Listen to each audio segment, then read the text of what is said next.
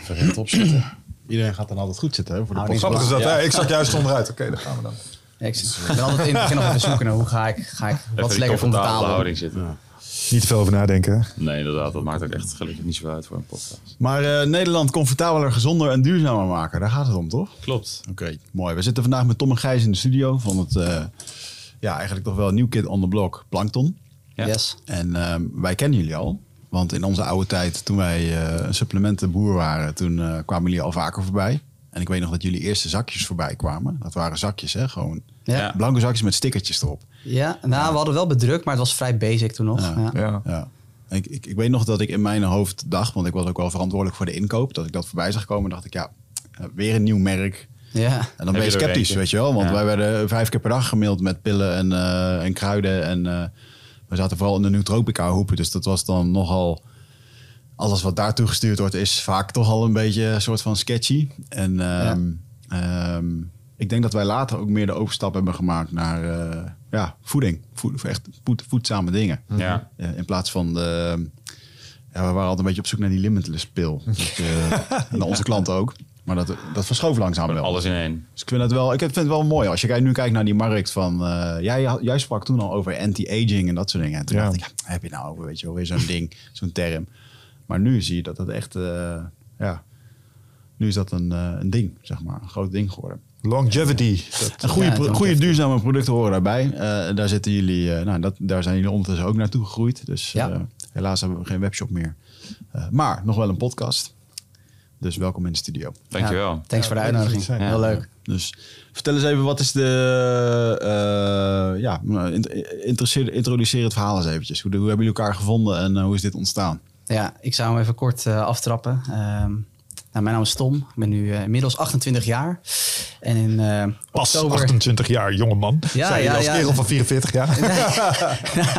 Nee, er zijn mensen die tegen me zeggen, je, je nadert de 30. Dus dat, is, eh, dan, dat blijkt een moment te zijn. Hè? Maar jullie kunnen vertellen hoe dat is. Ja, dat is dan waarschijnlijk vanuit hun eigen reflectie eh Ja. op het moment geweest. Voelt er niks van. maar eh, dat terzijde. Nee, eh, oktober 2020 eh, met Plankton gestart. Eh, bij mij is dat eigenlijk ontstaan vanuit enthousiasme vanuit mijn stiefvader. Die eh, gebruikte eh, algen al zo'n eh 9 à 10 jaar inmiddels nu. En die gebruikt dat voor bepaalde doeleinden. Heeft maculadegeneratie en oogziekte. eh, en heeft een hartaandoening, hartinfarct ook gehad. En kwam bij een natuurvoedingswinkel terecht. En zocht eigenlijk naar een product dat bepaalde voedingsstoffen bevatte. Die hem daarbij konden helpen. En het uiteraard helpen, want dat is natuurlijk niet de totaaloplossing. Maar het is natuurlijk fijn om altijd te kijken wat kan ik doen om dat eh, enigszins te verbeteren. En toen kwam de, de eigenaar van die natuurvoedingswinkel van... weet je wat, je zou eens een keer naar een algenkweker moeten gaan in Nederland... En die maken daar fytoplankton. En dat bevat belangrijke vetzuren. Dat eh, bevat bepaalde antioxidanten voor je ogen. Nou, zo, eh, zo, zo geschied is hij eh, begonnen met dat product. En er eigenlijk nooit meer mee gestopt. Ehm, en hoe ervaarde ik dat dan? Ik was een jonge jongen. Nou, toen, toen ik 18 was, ging ik naar Amsterdam. En als ik dan terug naar mijn ouderlijk huis kwam... dan zag ik hem dat... groene poedertje nemen in water. Je kan het natuurlijk ook gewoon in capsule nemen, maar hij was de diehard. Dus eh, hij nam het gewoon, ja, gewoon met water in en eh, hoge doseringen. Want ja, hij was er heilig van overtuigd dat dat de toekomst was. Eh, en op dat moment verbaasde me dat nog een beetje. Ik had eigenlijk geen idee. Ik was met andere dingen bezig. Dat doe je op die leeftijd. Eh, maar het intrigeerde me wel. Zeker ook het duurzaamheidsaspect. Daar worden wij met, vanuit onze studie werd dat best wel eh, naar voren gehaald. Dat, ja, om meer impact te maken, om misschien iets te doen met betekenis. En toen na mijn studie dacht ik, weet je wat, ik ga eens een keer met hem om de tafel zitten en gewoon eens vragen, hoe zit het nou precies? Wat is plankton? Wat zijn algen? En toen is het balletje gaan rollen bij mij en dat enthousiasme bij mij aangewakkerd. Zelf onderzoek gedaan en ja, onderzoek in de zin van, begin, je begint gewoon bij, Google. Heel simpel. Waarom zijn algen toekomstvoeding? En toen zag ik dat, dat Wageningen daarover schreef, dat wetenschappers daarover schrijven, dat het veel benoemd wordt als een van de bronnen van voeding eh, voor de toekomst ja, dat, dat integreerde mij. Ik denk van, ik heb een kans om iets eh, te doen wat echt, echt, echt verschil gaat maken. Eh, ja, zo is Plankton ontstaan. En eigenlijk in die zoektocht, en dan gaan we even fast forward een jaar later. eh, want ja, in die jaar is natuurlijk veel gebeurd. Toen had ik iemand nodig aan mijn zijde die dat eh, enthousiasme ook had. En zo kwam ik bij Gijs. Gijs en ik kennen elkaar van, van studie. En ja, ik had een behoefte aan iemand om, ja, om het verhaal te kunnen vertellen via social media. Daar, daar kunnen we gelukkig nu hedendaags gebruik van maken via video. En ik kende wel iemand die ik goed kende en ook al inmiddels een vriend van me was, die goed was in video maken. En gelukkig enthousiast werd van mijn verhaal. En eh, Ja. ja, zo kwam eh, Gijs eh, eraan te pas een jaar later. Ja, ehm, inderdaad, het begon eigenlijk bij een filmpje maken. Dus Ja. Tom wilde het verhaal van algen vertellen aan Nederland. Want ik geloofde in het product, maar het werd nog niet echt gedeeld met, eh, ja, met de juiste doelgroep. En toen vanuit een beetje, een beetje mijn uit de hand gelopen hobby was dan filmpjes maken voor vrienden, familie, kennissen. Dat werden dan ook een beetje artiesten, bedrijven. En toen ben ik zo Tom ook gaan helpen. En toen eigenlijk door het maken van die video, door het schrijven van het script, waar dan ook een stukje onderzoek bij kwam kijken, kwam ik ook achter wat de potentie is van algen en hoeveel dit voor iedereen kan betekenen. En niet alleen op het gebied van voeding, maar eigenlijk nog veel meer dan dat. Dus je hebt het dan over bijvoorbeeld het vervangen van verpakkingen, een stukje eh, biobrandstof. Je kan, het kan enorm veel eh, CO2 opnemen, het kan de, het water zuiveren. Het kan eigenlijk veel meer dan alleen voedzame bron van voeding zijn. Ja. En eh, toen is eigenlijk dat vuurtje op mij ook een beetje gaan branden. En ik wilde graag ondernemen. Dus toen heb ik een beetje tussen neus en lippen door tijdens het maken van die video tegen Tom gezegd van... Heb je niet, eh, zoek je niet toevallig nog een eh, partner of zo? Ja. En toen eh, zijn we dat samen gaan doen. En nu zitten we weer, weer twee jaar later, precies twee jaar later volgens mij, in augustus Ja. 2021 zijn eh, we samen gaan werken. En ja, heel veel gebeurt in de tussentijd. Ja, echt, eh, echt eh, heel veel toffe dingen meegemaakt. Ja. En ook steeds meer overtuigd geraakt van eh, waar we mee bezig zijn. En dat vind ik heel erg, eh, ja, ook wel fijn. Gewoon dat je echt eh, bevestiging krijgt van ja, het gaat die richting, die kant op. En we doen het goede daarmee. Ja. Dus dat vind ik wel ja, heel, heel bevredigend en heel leuk om dagelijks hiermee bezig te zijn. Dat is voor mij, ja, en met Gijs, dat gaat supergoed. En langzamerhand een team waarmee die ook geloven in wat wij doen. Mooi jongens. Ja. Hey, en help mij eens eventjes met, want als ik denk aan plankton, dan denk ik aan een walvis die eet. Ja, Een walvis die eet heel veel plankton om Ja. zichzelf te voeden. Drie tot En, vier eh, ton. Ja, dus vertel eens eventjes over de... eh, want je had het ook over... ja, eh, het is natuurlijk een alg. Ja. Is plankton puur en alleen een alg? Ik had het idee dat het een soort bacterieachtig Nou, eh, wezen was. Kijk, plankton is eh, de verzamelnaam voor alle micro-organismen. Die leven in de wateren. En eigenlijk het deel waar wij ons op focussen zijn algen. En daar zijn eigenlijk twee soorten van. Je hebt macro-algen, simpel gezegd zeewier. Dus dat kan je met de blote ogen zien. En micro-algen zijn eigenlijk eh, eencellige algen die je met onder een microscoop moet gooien. Daar zijn we eigenlijk mee begonnen, met allemaal micro-algen. En we gaan langzamerhand, is wel eh, ja, eigenlijk een primeurtje. We gaan nu de switch ook maken naar macro-algen. Dus we gaan zeewier nu ook langzamerhand in ons assortiment toevoegen. Ah, ja. Dus wij focussen ons echt op dat plantaardige algengebied. En plankton zelf is echt de verzamelnaam voor alle micro-organismen. Dus heb je het ook over zooplankton. Dat is bijvoorbeeld dierlijk plankton. Daar doen we niks mee. Mm, dus we kijken echt helemaal naar de, de, ja, de basis van de voedselketen als het ware. Ja. Tof man. We hebben ook een keer een meneer gehad, die was van Dutch Sea Farmers. Die, eh, die, die kweken zeewier tussen de windmolens in de Noordzee. Omdat uh, zo'n Ja. stukje braakliggend soort van zee. Dan kun je ook dit soort eh, dingen gewoon echt kweken. Ja, dat Dus, is eh, kweken van algen is eigenlijk ook de, eigenlijk the way to go. Omdat Ja. je het dan heel zuiver kan doen, heel duurzaam en gecontroleerd kan doen. Mm. En de juiste voedingsstoffen eigenlijk produceert. Een soort voor de biodiversiteit ook. Ja. Dus het voegt ook echt wat toe in plaats van dat bijvoorbeeld een gemiddelde eh, boerderij met een monocrop. eh, het kan best wel uitputtend zijn voor de bodem. Er zijn natuurlijk ook heel veel voorbeelden waarbij boerderijen wel een soort van toegevoegde waarde hebben die juist heel divers zijn en die echt wat toevoegen aan de natuur. Dat eh, regenerative farming is nu Ja, best wel een groot ding. Ja. Eh, wat echt toegevoegde waarde heeft. Maar bij het kweken van zeewier is het dus ook zo dat het, het put niet uit, maar het voegt juist toe. En dat is een hele mooie switch die, ja, waar veel mensen zich niet van bewust zijn, maar dat echt een hele belangrijke voedingsbron kan worden die dus niet uitput, maar juist toevoegt. Dat is echt gaaf. Ja. En van zeewier eh, is me toen uitgelegd hoe dat werkt. Het zijn basically een soort van kabels die Ja. door het water liggen. En daar, Ja. daar, daar, daar groeien het gewoon aan, zeg maar. Als in een Ja. soort onderwater Beetje als eh, mosselen. Ze worden en, ook echt eh, groot. Die, Ja, ja, ja, ja. Dus dat, maar, maar voor, voor eh, zeg maar die microplankton lijkt het... Hoe kweek je die? Ja, je hebt, je hebt verschillende manieren. Ehm, eigenlijk is het best wel, het, dat is altijd wel grappig aan. Het is een, je kan het een simpel organisme noemen, omdat het eigenlijk maar een paar dingen nodig heeft. Dus zonlicht, CO2 en nog een aantal voedingsstoffen. Dus het klinkt heel simpel, maar het, ja, wat we, Gijs al zegt, het kan heel ve- veelzijdig ingezet worden. Maar eigenlijk zijn de belangrijkste dingen dus water en zonlicht. En een aantal voedingsstoffen. That's it. Dus je kan het op verschillende manieren kweken. Ehm, dat kan in bassins. Die zijn dan met, onder, met een kas eroverheen. Dus dat is eigenlijk, dan gebruik je eigenlijk gewoon natuurlijk zonlicht In de om die of te kweken. dit? Dit is gewoon, nee, op land. Je, gelukkig heb je heel weinig land nodig. Heel weinig water nodig. Dus dat is ook nog eens heel positief. En eh, door eigenlijk maar een paar basisdingen toe te voegen... Heb je, eh, gaan die algen zichzelf vermenigvuldigen. En heel snel. Eh, je hebt ook buizensystemen om te kweken. Dan, dat kan je ook buiten doen. Dus ook door middel van zonlicht. Maar dat kan ook bijvoorbeeld met kunstmatig licht. En je hebt ook nog door middel van fermentatie. Dus door middel van suiker kan je ook algen kweken. En het mooie hieraan is, is dat het eigenlijk super duurzaam gekweekt kan worden. Heel weinig nodig heeft. Eh, ja, en een prachtige biomassa oplevert. Ja. Het klinkt een beetje als magic mushrooms. Oh, hoezo? Nou ja, in de zin van dat groeit ook, eh, dat groeit ook heel makkelijk. Oh, zo, ja, is makkelijk, ja, is makkelijk te kweken. Ja. En het draagt ook nog een keertje bij aan eh, een hele hoop. Het is natuurlijk weer een beetje onze kant eh, van de Ja, maar wel, ik denk wel dat dat, dat terecht wel is wat. Ja, het is wel, het is wel ook een, een future food eigenlijk. Net als insecten bijvoorbeeld. Maar dat, Ja. dat ja, vinden mensen nog een beetje ingewikkeld en een beetje eng ook af en toe. Mhm. Ehm, en wij proberen, dat was bij algen denk ik ook zo. En wij proberen een soort van die switch te maken. Dat wat met mushrooms nu ook steeds meer geaccepteerd wordt. En Zeker. mensen zijn daar steeds meer zich aan het interesseren. En dat proberen wij eigenlijk met algen een beetje Ja, te en- creëren. En is daar nou een soort vergelijkend iets als eh, zo'n... eh, je hebt natuurlijk het bekende my- mycelium-netwerk. hè? Dat, eh, Oh, dat is onder, het netwerk onder de grond, bacteriën. al die bacteriën, Ja. al die schimmels en dingen. Is dat een beetje, vind je ook zoiets in, eh, in, in algen?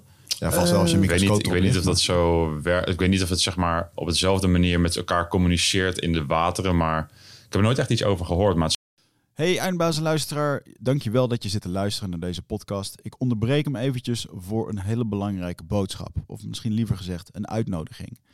Want op 24, 25 en 26 mei, dan is er weer een nieuwe editie van Rite of Passage. Dat is mijn retreat voor persoonlijke ontwikkeling. En speciaal voor de mensen die op zoek zijn naar, ja, naar, helderheid. Of dat ze lastig bij hun gevoel kunnen komen. Dat ze moeilijke beslissingen moeten maken.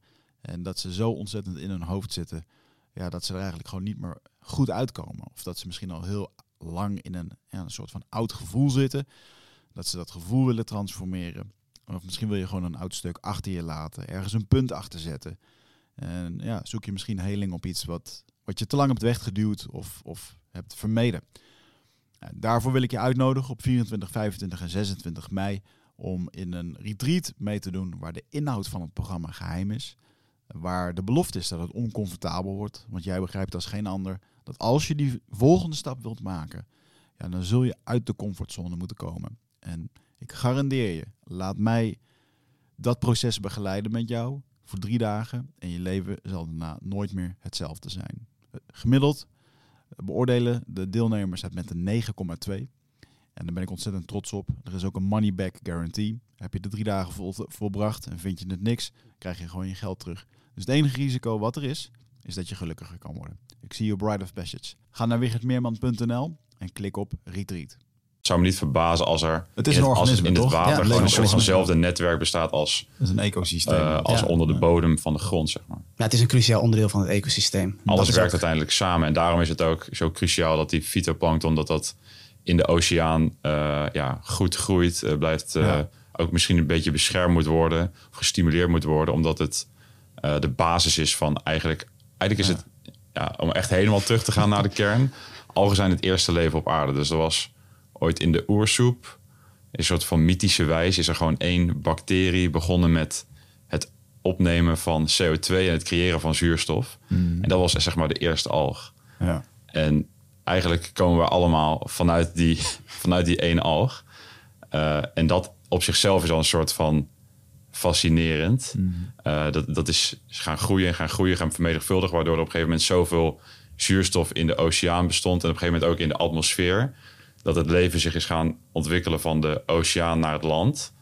En ja, dat heeft- een paar miljard jaar geduurd. Ja, en, ik heb eh, alle details niet meer scherp, maar ik heb hier ook eens een keer iets van gezien. En er is een, wat je zegt, sorry dat ik onderbreek, is, er was op een gegeven moment zoveel zuurstof zelfs in de atmosfeer, mede door die algen, dat het volgens mij een deel van andere dingen die ook al inmiddels zeg maar, een soort van waren ontwikkeld, eh, heeft laten afsterven, omdat het de hele atmosfeer veranderde.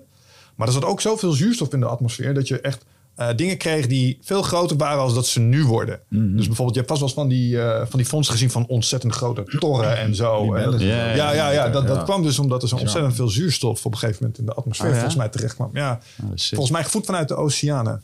Maar is een beetje, misschien dat jij me dat beter kan uitleggen, dat weet ik niet. Ja, dat, dat verhaal heb ik nog niet gehoord, maar het zou me wel eh, zou goed kunnen. Want ja, dus eigenlijk waar het verhaal een beetje mee begon, is dat het eh, gewoon enorm veel zuurstof produceert. En dat doet het, doet het nog steeds. Dus dat is ook wel interessant dat heel veel mensen zich daar niet van bewust zijn. Maar algen zijn eh, niet alleen de eerste bron van leven en van zuurstof, maar nog steeds eigenlijk de basis van de voedselketen en de, eh, ja, hetgene wat zorgt dat wij ongeveer de helft van onze zuurstof krijgen.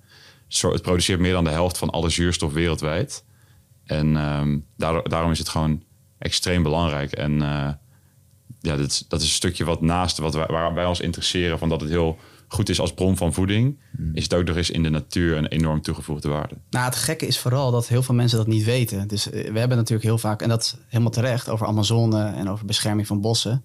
En het is heel gek dat, uh, dat meer dan de helft van alle zuurstof geproduceerd wordt door algen, maar dat het heel onderbelicht is. Dus hmm. ik, ik, ik, kijk, ik, kan, ik kan me voorstellen dat als je dit zou vragen aan mensen op straat, dat heel veel mensen het niet zouden weten. En dat algen ook niet per se de beste naam hebben. Want vaak als je het over algen hebt in Nederland in het nieuws, is omdat het blauwe algen is. Waardoor, hè, en, en, en ik had uh, voor mijn dochtertje van vijf een zwembad opgezet in Italië. Ja. En na een week dacht ik dat het wordt helemaal glibberig aan de binnenkant. En uh, een groene ja, algen heb ik dan weer spul voor gehaald om dat weg te halen. Ja. Dus het heeft ook een soort van... Uh, ja, het is ook goed om te benoemen dat er bestaan meer dan honderdduizenden verschillende soorten algen. En niet allemaal zijn ze even vriendelijk en even goed. Ja. Sommige zijn ook, ja, het wordt een beetje allemaal op één hoop gegooid, maar sommige van die algen zijn dan ook eerder bacteriën. En dat, uh, die nemen vaak juist de zuurstof uit het water in plaats van dat het zuurstof produceert. En dat zijn inderdaad vaak degenen die negatief in het nieuws komen. Mm. Um, dus dat is ook belangrijk om te belichten. Dat het niet alleen maar uh, Hosanna is en, uh, mm. ja, alleen maar positief. Maar er zijn ook negatieve kanten. Maar dat komt dan vaak, bijvoorbeeld waarom het nu vaak in het nieuws komt... is omdat het van die algae blooms zijn. En dat komt dan vaak door of door te hoge temperaturen, wat weer een beetje terug te refereren is naar klimaatverandering, of door in de oceanen dat er te veel afval vanuit de landbouw het water instroomt, waar die bacteriën zich dan op voeden. Ja. En dat is dan weer heel slecht voor het uh, milieu. Ja. Dus het heeft twee kanten. Want jullie hebben het over dat plal, uh, je had het net over het beschermen van algen. Ja. Is het zo dat die algen, uh, is het, kan je dat zien als een soort ding wat aandacht nodig heeft omdat het eh, in gevaar is door omstandigheden in de wereld of hoe wij met de wereld omgaan? Oh. Nou ja, verzuring van de oceaan. Ik denk dat de oceanen überhaupt heel erg onder druk staan. En hmm. het is heel belangrijk dat dat ecosysteem in stand wordt gehouden.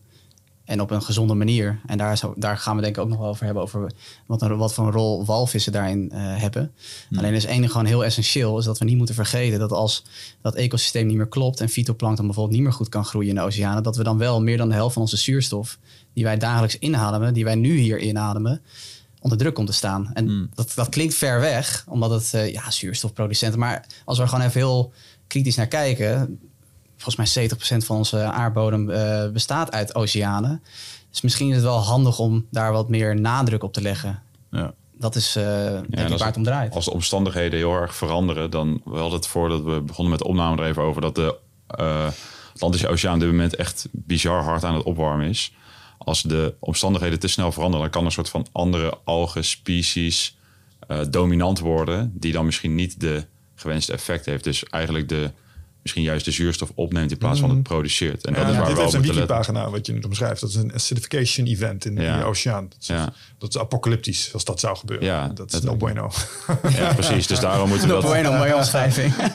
en uh, dat is wat, wat Tom net al aanhaalt. Dus een, een, onderdeel wat we kunnen doen om het te beschermen... is eigenlijk ja, uh, de walvissen uh, beschermen. Dus er is jaren geleden zijn er enorm veel walvissen vermoord... Uh, waardoor er echt maar een fractie van de populatie over is gebleven. Terwijl walvissen um, echte letterlijk klimaathelden zijn eigenlijk. En wat Beetje, Nou, ze, um, ze nemen ten eerste, eten ze heel veel van die plankton. Uh, waardoor ze eigenlijk die CO2 die dus wordt opgenomen door de plankton opeten. Uh, en Capture dat, als het ware. Ja, ja. en um, ze bevatten dus... Een walvis is ongeveer 33 ton aan CO2 per walvis. En dat, um, de, hij eet dus dat, die plankton op, maar hij poept het ook weer uit. En dat is dan weer de fertilizer voor de bemesting voor nieuwe plankton. Dus het is eigenlijk een soort van uh, mooi systeem. Daarnaast, als die doodgaat, neemt hij die 33 ton CO2 mee naar de bodem van de oceaan. Waar het praktisch voor, als het volgens mij onder de 1000 meter komt, is het bijna voor altijd daar opgeslagen. Oh, wow. Dus dat is al een soort van, uh, ja, best wel bijzonder best wel bijzonder iets. Dat zijn een soort carbon capture devices. Eigenlijk. Ja, letterlijk. En we proberen dat met allemaal techniek op te lossen en met hele moeilijke machines. Maar eigenlijk zijn er dus al gigantische machines die voor ons aan het werk zijn. We weten het alleen niet en we beschermen ze ook niet. Er wordt gewoon... gelijk aan 1500 bomen, één walvis. Er is een eh, hele interessante TED-talk hierover ook. Ja. En waar het eigenlijk gaat over dat het dus één walvis de waarde heeft van 1500 bomen planten. Um, maar waar het ook gaat over hoe je dit ook um, Kijk, nu zie je wel veel NGO's en weet ik wat die daarmee bezighouden. Alleen het is, het is dus eigenlijk ook, als je gewoon heel letterlijk naar kijkt, is- heeft het ook een bepaalde waarde, een walvis. En volgens mij was dat uiteindelijk toen berekend op een paar miljoen. Ja, 3 miljoen. Ja, dus dan kan je ook, de bedrijven kunnen dit ook gaan zien als een businessmodel. Dus eigenlijk het behoud van natuur is ook een manier om carbon capture te realiseren. En wij kijken nu altijd naar hele andere oplossingen. Terwijl er zijn al hele mooie. ehm, Maar hoe bedoel je dan een businessmodel? Want je bedoelt, eh, je kan nu ook van die, je kan nu als bedrijf zijn eh, eh, slechte dingen doen voor het milieu. En dan kan je dat weer een soort van greenwashen met een certificaat wat je koopt. Ja. Voor zoveel bomen of een. eh, nou, je kan beredeneren. Ja, je Ja. kan beredeneren dat je in plaats van dat je, een, eh, dat je een boom plant als bedrijf, kan je dus ook je heel erg inzetten voor walvisbescherming en dat koppelen aan Ah, ja. wat, dat voor, wat dat doet voor CO2. Ah, interessant. En dat is echt, dat is ook beredeneren eigenlijk bijna niemand dat nog, maar dat is dus echt daadwerkelijk zo. Doen jullie daar wat mee met jullie bedrijf? Ja, Gaat wij, het, eh, eh, jullie beschermen de walvis? eh? ja ik, ik kan, kan wel vertellen ik, over Stichting Rugvin. Ja, het is een, een eh, stichting waar we zoveel enthousiast Het is heel, het is heel kleinschalig. Eh, het is gewoon een vrijwilligersorganisatie. Maar met enorm gepassioneerde mensen. Eh, Frank Sanderink onder andere, die heeft ons toen rondgeleid. En we hebben toen, eh, toen de tijd wat aandacht voor hun gevraagd op Wereldalgendag was het. Ja. Ehm, toen hebben we een deel van onze omzet aan hun gedoneerd. En hebben we eigenlijk heel veel explainer video's gemaakt over het onderwerp waar we het nu ook naar jullie eh, aan het uitleggen zijn. En eh, zij zetten zich in eigenlijk voor de bruinvis. Dus in Nederland, heel veel mensen weten dat niet, maar er leven echt honderdduizenden walvissen eigenlijk in de Noordzee. Het zijn bruinvissen, het zijn hele kleine, beetje dolfijnachtige walvissen. Maar die ehm, hebben dus een heel interessant onderzoek gedaan. En eh, daar hebben ze de walvispoep, die we- werd dan verzameld vanuit bruinvissen die aanspoelden. Hebben ze de eh, walvispoep eh, van eh, genomen. Dat werd dan, ja, het is een beetje een onsmakelijk idee, maar die werd dan opengesneden. En bij een universiteit werd dat dan ja, in, een, in een glazen potje gedaan waarbij ze dan zeewater deden. Zij ze gaan kijken van hoeveel fytoplankton zit er in al die potjes? Als we het van de eerste potje 0% eh walvissenpoep bij doen... tot bijvoorbeeld eh 3% in het laatste potje. En dan zag je gewoon letterlijk een heel mooi kleurverschil... van heel helder water naar op een gegeven moment heel groen water. Ehm, en wat er dus voor zorgt dat, die, dat als er walvissenpoep bij zit... dat er dus veel meer zuurstof wordt opgenomen... Ja. dus de oceaan gezuiverd wordt, et cetera, et cetera. Ik zit hier te kijken trouwens naar een bruinvis. Ik heb de foto's even. Ja. Ja. weet, weet jij dat dit zwom in de Noordzee? Nou, ik heb wel eens gehoord van aangespoelde bruinvissen, maar ik, wist, eh, ik, ik had ze maar groter in het hoofd als een middelgrote dolfijn. Dus, Ja, eh, ja. Maar, ja. Ja, dit is lokaal wat wij nu supporten. Maar dit willen we veel. Wij, wij realiseren ons ook steeds meer dat het eh walvisbeschermen dat dat ook heel erg goed resoneert met wat wij dagelijks doen. Ja. Eh, en dat, is, eh, dat vinden we ook heel erg tof. En wat wij ook heel leuk vinden, is wat, wat Stichting Rugvin doet. Ze hebben ook een kinderboek gemaakt, Wally de Poel. En daarin leggen ze eigenlijk uit voor dat je, dat je het echt een soort van educatie maakt. Eh, dat je aan kinderen in kindertaal kan uitleggen wat het belang nou is om zo'n walvis te beschermen. En dit boek gaan we, ja, we gaan, we, gaan we iets ook mee doen met Kinderboekenweek. Eh, dat is denk ik ook wel heel tof, eh, om hier meer aandacht voor te vragen. Ja. Ja, en geld in te zamelen voor Ja. zo'n mooie organisatie die zich wel echt vol inzet zonder dat er ja, heel veel eh, voor terugkomt voor hun persoonlijk. En dat vind ik heel tof om te zien dat mensen Ja. zich daar zo hard voor maken. Ja, zoveel commitment die ze Ja. hebben. Ja. En het past goed denk ik bij ons merk en waar we onszelf ja, in interesseren. Ja. En dat vinden we dan heel tof om daar ook een steentje aan bij te dragen op die manier. ja, Mooi man. kan me voorstellen. Hey, en qua gezondheid eh, dingen, want wij, eh, ehm, eh, waarom zou ik algen moeten nemen als, als supplement? Ja, goede vraag. Misschien kan jij die, denk, eh, eh, nou, in essentie gaat het denk ik om een paar voedingsstoffen die je uit algen kan halen. Ehm, bijvoorbeeld als je het gewoon kijkt naar eh, omega-3. Ehm, in essentie is, zijn algen de bron van omega-3. Dus je kent wel het fenomeen cut-out en middleman. Eh, dus oftewel, je kan visolie overslaan door gewoon terug te gaan naar de bron. Een logische beredenering denk ik om ten eerste heel veel visvangst te voorkomen. En gewoon de pure bron te nemen. Eh, dat is denk ik één, één reden al waarom je bijvoorbeeld voor algeolie of voor fytoplankton kan kiezen. Omdat het een hele mooie bron van omega-3 vetzuren zijn. Nou, het is bekend waar dat goed voor is voor hart, hersenen, ogen. Ehm, maar algen zijn nog veel meer dan dat. Het bevat, er zijn algen die tot 60 tot 70 procent uit eiwit bestaan. Die alle eh, essentiële aminozuren bevatten. Terwijl we, we zijn heel erg druk in een eh, eiwittransitie. En algen zijn daarin voor mij, wat mij betreft een heel erg ondergewaardeerd eh, onderwerp. Klinkt een beetje als BCA's. Ja, nou ja, tot op zekere hoogte zeker. Ja, kijk, Ja. Het, zijn, het bevat alle bouwstenen. Eh, het is super rijk aan eiwit. Bijvoorbeeld onze fytoplankton bevat zo'n 50% eiwit. En spirulina bijvoorbeeld kan tot 70% eiwit bevatten. Het is letterlijk de eh, bron van voeding waar er, er bestaat eigenlijk geen enkele andere bron van voeding die een hoger percentage eiwitten bevat en een mooier aminozurenprofiel dan algen. Oh, wow. Ik heb het niet kunnen vinden, inderdaad een hoger percentage. Hennep, ik heb gekeken. misschien? Ja, ik had naar soja gekeken, hennep, eh, maar de- volgens mij kwam geen eentje boven de 70% Oké, ja, want wij hebben toen een tijdje van die, eh die hennepproteïnes. Ja. Van, eh, onder andere Ornet, hoe heet het ook alweer? Hemforce. Hamforce, dat was een goed speel, man. Dat was, was ook, ja, was maar in de zin van, het was, ehm, eh, eh, het was smakelijk, maar met name ook in vergelijking met de whey, eh, die je normaal gesproken dan zou nemen voor je eiwitten, Ja. was de verhouding volgens mij ook beter. En het was het voordeel, als ik whey-proteïne neem, ging ik altijd uit beide uiteindes ging ik ontzettend stinken. Dus eh, slechte adem en Ja. toeter aan de achterkant. En dat had ik met, eh, dat had ik met, ja, maar dat had ik met, hoe heet dat, eh hennepproteïnes had ik dat aanzienlijk minder. Nou, wij zijn eigenlijk daarom ook best wel geïnteresseerd en we zijn nog niet zo ver om veel meer te gaan eh, duiken in het. eh, hoe kan je het puur het eiwit uit, uit bijvoorbeeld de alg extraheren, dat je echt, echt eiwitpoeder creëert? Want dat is natuurlijk Ja. een ongelooflijk groot onderdeel van die eiwittransitie. Mhm. Er wordt ook al gedaan door bedrijven, maar ik vind dat die, dat die versnelling daar echt wel in kan. Eh, Ik denk dat daar ook bijvoorbeeld uh, instituten als Wageningen een bijdrage in kunnen leveren. Maar het verbaast mij gewoon dat er nog niet echt soort van clean eiwitpoeders op basis van algen zijn. Ja. Eh, dus dat is ook iets waar wij het heel vaak onderling over hebben van hoe kunnen we dat eh, realiseren. Eh, ja, dus, dus het eiwittenverhaal, het omega-3 vetzurenverhaal. eh wat ook Waarom heel... denk je dat dat is trouwens? Sorry? Waarom denk je dat dat is? Nou, Smaak. sm- nou, smaak. Maar kijk bijvoorbeeld, je, er zijn al bedrijven in Nederland die nu smaakloos algenpoeder maken. Dus Ja. ook met een hoog eiwitgehalte. Dus ik heb toevallig deze week ook naar gekeken van... Hey, moeten we niet met hun in contact komen hoe we dit tot een, gewoon een consumentenproduct krijgen. Eh, het wordt al heel veel toegevoegd hè, in voeding, algenpoeders. Bijvoorbeeld ook smaakloze algenpoeders. Want dat is bijvoorbeeld wel nog vaak een probleem. Maak het lekker. Daar hebben we ook wel dingen mee, eh, iets meegenomen waar wij mee bezig zijn zelf Ja. ook. Ja.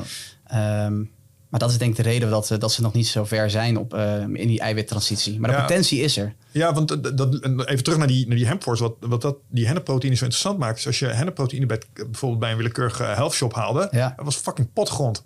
Dat was echt niet lekker, Ja. zeg Nee, maar. dat En wat zij hadden gedaan, ze hadden er wat cacao aan toegevoegd... van die andere producten die wel een beetje smaak hebben... maar eh, ook health benefits hadden. En toen was het ineens... eh acai bijvoorbeeld, gooiden Mm. ze er doorheen... eh, van dat poeder. Ja, dat maakt het gewoon te doen. Ja, Dat klopt. was oké. Ehm, nog steeds niet de lekkerste smoothie die je ooit gehad had... maar in ieder geval niks wat...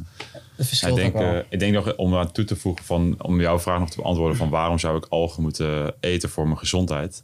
Eigenlijk het, de mooiste reactie die we terugkrijgen en de meeste reactie die we terugkrijgen gaat over de darmen. En dat komt omdat ons eh, hoofdproduct eigenlijk marine fytoplankton bestaat voor een groot deel uit voedingsvezels, antioxidanten, omega-3 ehm, en nog een aantal mineralen en vitamines. En eigenlijk door die compleetheid heeft het een heel stimulerend effect op je darmen. En dat is ook iets, wederom wat heel veel mensen niet weten, is dat darmen zijn echt een enorm ondergewaardeerd onderdeel van je gezondheid. Ja. Dus het is letterlijk de plek waar al je voeding wordt opgenomen, waar je voeding wordt verteerd ten eerste. Maar daarnaast is het ook, eh bevat, bevindt 70% van je immuunsysteem bevindt zich hier. Het heeft een enorm sterke connectie met je brein, met je huid, met je spieren en eigenlijk heel veel andere organen. Eh, waardoor we zien dat als mensen, dat vinden we zelf af en toe ook een beetje moeilijk om te verklaren.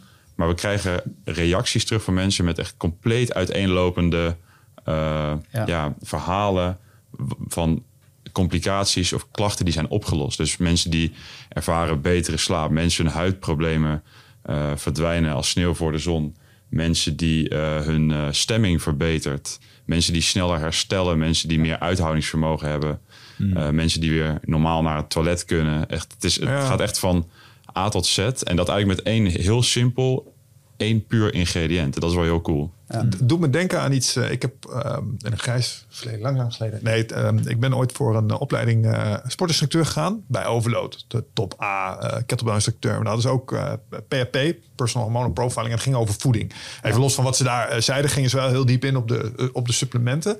En wat zij telkens uh, aanvulden. Vroeger werden zij de visoliejongens genoemd.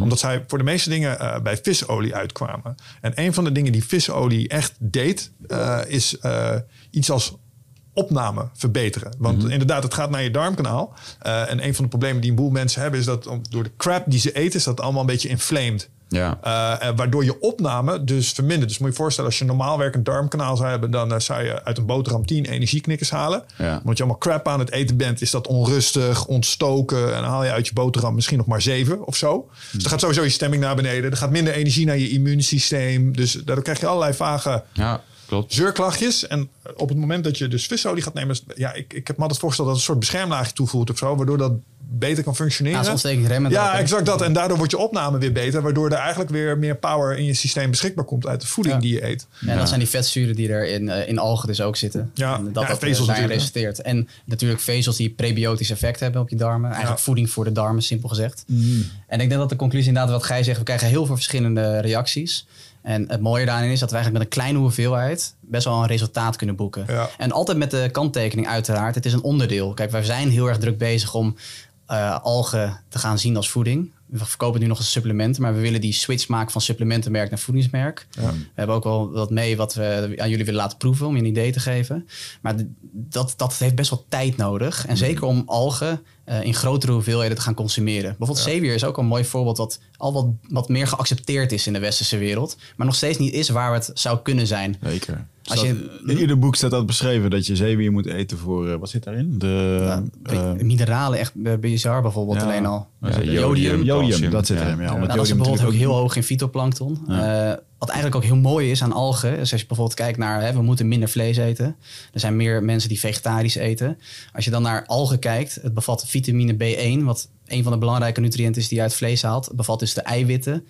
eh, IJzer. of ijzer. Dat zijn eigenlijk de drie, drie key dingen die je bijvoorbeeld vaak uit vlees kan halen, die je ook dus ook uit algen kan halen. Ja. En dat is ook heel erg mooi waarom je ook ziet dat het in vleesvervangers wordt toegevoegd, waardoor het uitermate geschikt zou kunnen zijn als proteïneproduct. Ja, ja. Eh, omdat het eh, ook echt een vervanger kan zijn. Veel meer wat ook toekomstbestendig is. Zou het nu al zo kunnen zijn dat als ik een scoop wijproteïne pak, eh, wat, wat, hoeveel algen moet ik nemen om, om, een, om een scoop wijproteïne te, te evenaren? Nou, dan zit je bij- bij hetzelfde, nou, iets minder hoeveelheid, want je hebt hogere, hogere concentratie. Alleen waar het, waar het tricky wordt, is dat je dus, nou, tenminste zover ik eh, het kan, goed kan beredeneren, is dat je het, je wilt eigenlijk het eiwit extraheren uit de alg. Want je hebt natuurlijk, een alg is super rijk aan van alles en nog wat. Maar met sommige nutriënten wil je natuurlijk ook weer niet te veel innemen. Ja. Dus bijvoorbeeld eh, jodium of iets dergelijks wil je minder van innemen dan eh, met eiwitten. Dat zijn macro's natuurlijk. Dus er zou eigenlijk een manier moeten zijn hoe je de eiwit goed extraheert uit een alg. En dan kan je natuurlijk gewoon eh, dezelfde scoop nemen. Ja. En, Dat is ook maar denk ik waar naartoe Maar die moet. oplossing is er nog niet. Nou, er zijn wel bedrijven nu ook in Nederland is er een bedrijf Ficom die volgens mij heel erg bezig zijn met echt, echt ingrediënten uit algen maken, dus ook eiwit uit algen. En die dan die worden ook toegepast in de industrie. Hmm. Maar ik zou dat gewoon, ja, ik, ik zou het gewoon heel mooi vinden als er gewoon een lekker smakend. eh, ik neem zelf ook elke dag eiwit, gewoon eh, in mijn shake. Maar waarom kan ik wil dat uit mijn uit algen halen? Ja. Dat is dat zou ik een heel mooi doel vinden als ja. het lukt. Ja, zeker. Het verbaast me gewoon dat het er nog niet is. Interessant. Hey, iets waar ik even aan moest denken. Ja. Ehm, sowieso, eh, twee vragen. De eerste vraag is, hoe voelt het om ehm, een product in de markt te zetten? Want dat weet ik ook nog uit mijn Nutrofit tijd. Waarbij je zo ook eh, eh, bijna fantastische reacties krijgt op mensen hun gezondheidsverbetering. Kun je nog herinneren dat we soms van die... We hebben ook een tijdje weeg gemaakt. Ik heb contact gehad met zo'n dame en die zei... Ja, ik ben zo blij met die weeg voor jullie, want... Er zit niet die, eh, Ja. die vieze zooi in. Ik, eh, ik gebruik dit elke dag. En het heeft eh, een aantal dingen voor mij echt fucking verbeterd. En ik, die echt MCT-olie. MCT-olie Mensen die ook. dat gaven aan hun kat met reuma en dat soort dingen. En ja, echt zo, niet, weet je, zo hadden wij niet eens voor bedoeld, maar mooi dat het werkt. Ja, we- ons product wordt ook vaak aan, eh, aan, Dieren aan dieren, huisdieren gegeven. Katten en honden. Dat is echt niet Ik kreeg laatst ook eh, een eh, vriendin van mijn eh, moeder. Die belde me in paniek op dat haar hond de hele zak plankton had opgegeven. Leeft hij nog? En eh, een, van onze Heel lekker, nieuwe, een van onze nieuwe videomakers die zegt van ja, mijn kat die staat altijd al te springen als ik die zak eh, uit de kast haal. Want die vindt het zo ontzettend lekker. En daarbij kan het ook heel goed zijn voor, eh, voor dieren. Dus dat is ook wel grappig. Interessant. Ja. Ja. ja, van CBD-olie wist ik het. Dat- Maar ehm, je vraag was hoe het voelt om dit soort reacties te ontvangen, Ja. toch? Ja. Ehm, ja, ten eerste natuurlijk heel gaaf. Want je hebt echt het idee dat je mensen kan helpen. Ehm, maar het is ook eh, ja, het is lastig om te verklaren af en toe. Ja. We hebben natuurlijk, we zien, we hebben analyse gedaan van de voedingsstoffen, maar we kunnen niet zeggen van, ja, we hebben een enorme trial gedaan en dat we een wetenschappelijke onderbouwing kunnen doen. Dus nu kunnen we claimen dat dit en dit en dit. Dus we proberen heel erg gewoon te bouwen op die ervaring eigenlijk. Ehm, Want dat wordt ook een beetje onmogelijk gemaakt in Nederland. Nou, het is gewoon Ja, bijna niet te heel doen. Ah, dat is waar ik dus een, En dat was de tweede vraag. Ja, wat, mag je, wat mogen jullie eigenlijk claimen Ja, het- over deze producten? Het verschilt per product. Dus onze algeolie is gewoon bepaald een bepaalde concentratie omega-3, waardoor je gewoon die claim mag maken. eh behoud van hart, hersenen en ogen. Hetzelfde geldt voor ons vitamine D-product uit algen. Ja. Eh, ons magnesiumproduct uit, eh, uit zeewier. Ehm, alleen voor fytoplankton, echt nieuwe voeding. Hetzelfde geldt eigenlijk voor spirulina en chlorella.